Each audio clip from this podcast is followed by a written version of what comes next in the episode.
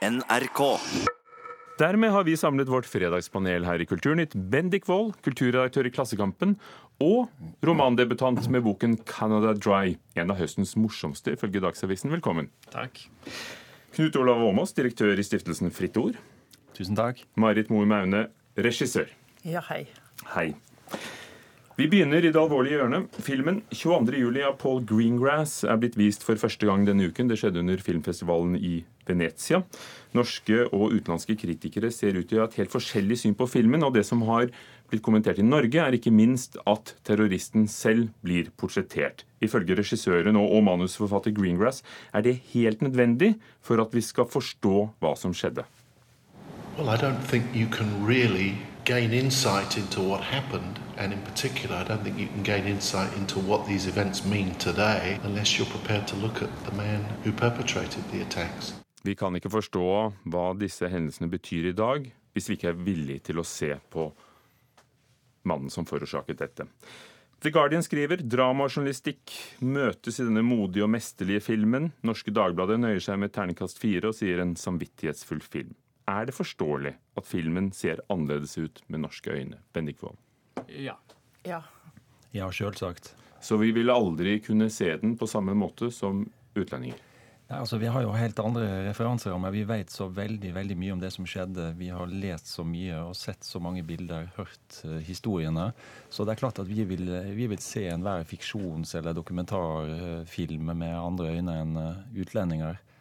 Og, men det er et interessant perspektiv Greengrass har. Eh, forsøket utenfra å forstå Norge og det som skjedde, hvordan vi møtte terroren, og hvem terroristen er. Bygd da på Åsne Seierstads eh, glimrende bok. Som regissør både av teater og ikke minst også TV-serier, og du arbeider med et filmmanus, går det an å portrettere det onde uten at det blir for vondt? Nei, det her er for vondt.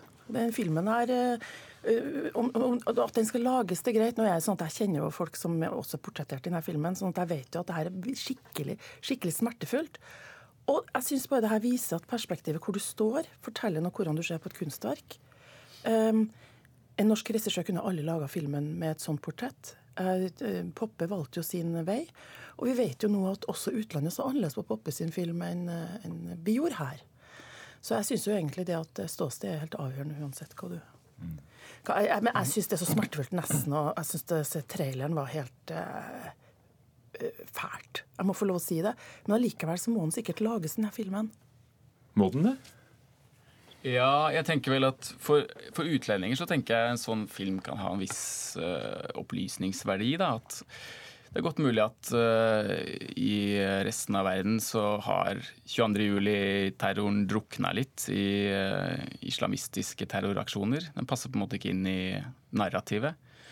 Så det er godt mulig at noen timer med skolefjernsyn er på sin plass. da. Men jeg tenker at for norske seere så skal det godt gjøres at en film med dette temaet kan tilføre så veldig mye. Altså, jeg tenker Film kan, kan, skape medlevelse og empati. Og en film kan motvirke glemsel, rett og slett. Men når det kommer til analyse og forståelse, så tenker jeg at bøker eller til og med en avisartikkel har, har mer å si oss. da. Når det gjelder Poppe sin film, så var det jo sånn at det var, viste seg at det var generasjoner av 18-åringer nå som ikke har noe forhold til Utøya. Så det er klart, Sånn sett så er det viktig å holde minnet vårt eh, ved like om hva det var som skjedde. Jeg syns det er interessant når, Nå har ikke jeg sett den filmen til Grimglass. Veldig få har det. Men jeg syns det er veldig interessant å, å, se at han som spiller terroristen, faktisk sier at det her er en politisk rolle. Det syns jeg er et interessant perspektiv, at man faktisk trekker frem det politiske aspektet i de grusomme handlingene. Den bygger jo på Åsne Seierstad bok. Mm en av oss, hvor hun ville forstå hvordan en av oss De første nyhetene så regnet folk med at det ikke var en av oss. i anførselstegn.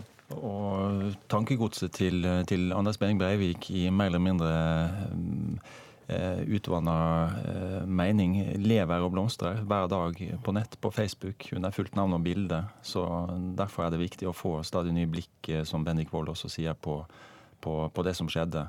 Men jeg gjorde meg en tanke. Jeg sto eh, den helga, forleden helg da Pål Slettaun og Sara Johnsens eh, TV-serie eh, om 22. juli ble spilt inn i regjeringskvartalet. Jeg sto i blokka mi og så over byen, så røyken drev over regjeringskvartalet. Det var en sterk scene, men jeg tenkte likevel Men dette er jo bare en fattig imitasjon. Vi, vi, har jo sett dette in real life. Noen av oss var like ved, andre så det like etterpå. Hva mer er det egentlig å gi oss? Så vi må også diskutere dette. Må, må vi ha alt dette? Mm, jeg er enig i det. og Nå kommer det den TV-serien også. Og jeg, jeg tenker fra, Som nordmann, da, eller fra et norsk perspektiv, så spør jeg igjen hva, hva, hva, skal vi med det. Og jeg ser at, Nå har ikke jeg sett Poppes film, men jeg registrerer at en del av de som uh, roser den, også har litt problemer med å forklare hva vi skal med filmen. Altså Den håndverksmessig imponerende, det er godt skuespill. Uh, men trenger vi denne visualiseringen av uh, det som er et kollektivt mareritt, egentlig, da, for alle nordmenn, tenker jeg? trenger vi en visualisering av eh, en massakre uh, på barn.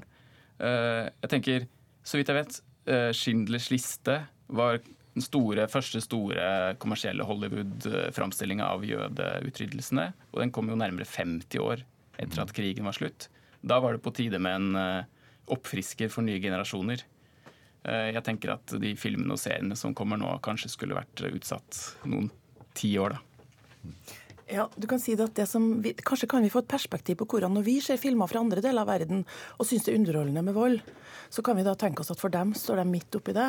Og når vi nå da ser at noen faktisk beskriver det her som en god historie, da syns vi det er vondt å høre. For det er ikke en god historie, det er en, en virkelighet. Um, Kanskje må vi lage den her, og kanskje må vi stå i det. Men jeg, jeg tenker utrolig mye på de pårørende og ungdommene for tida. For det er bare et hardt halvår å følge de her filminnspillingene for alle sammen, tror jeg. Og det er ikke den siste. Apropos bøker, ja, som kanskje egner seg bedre.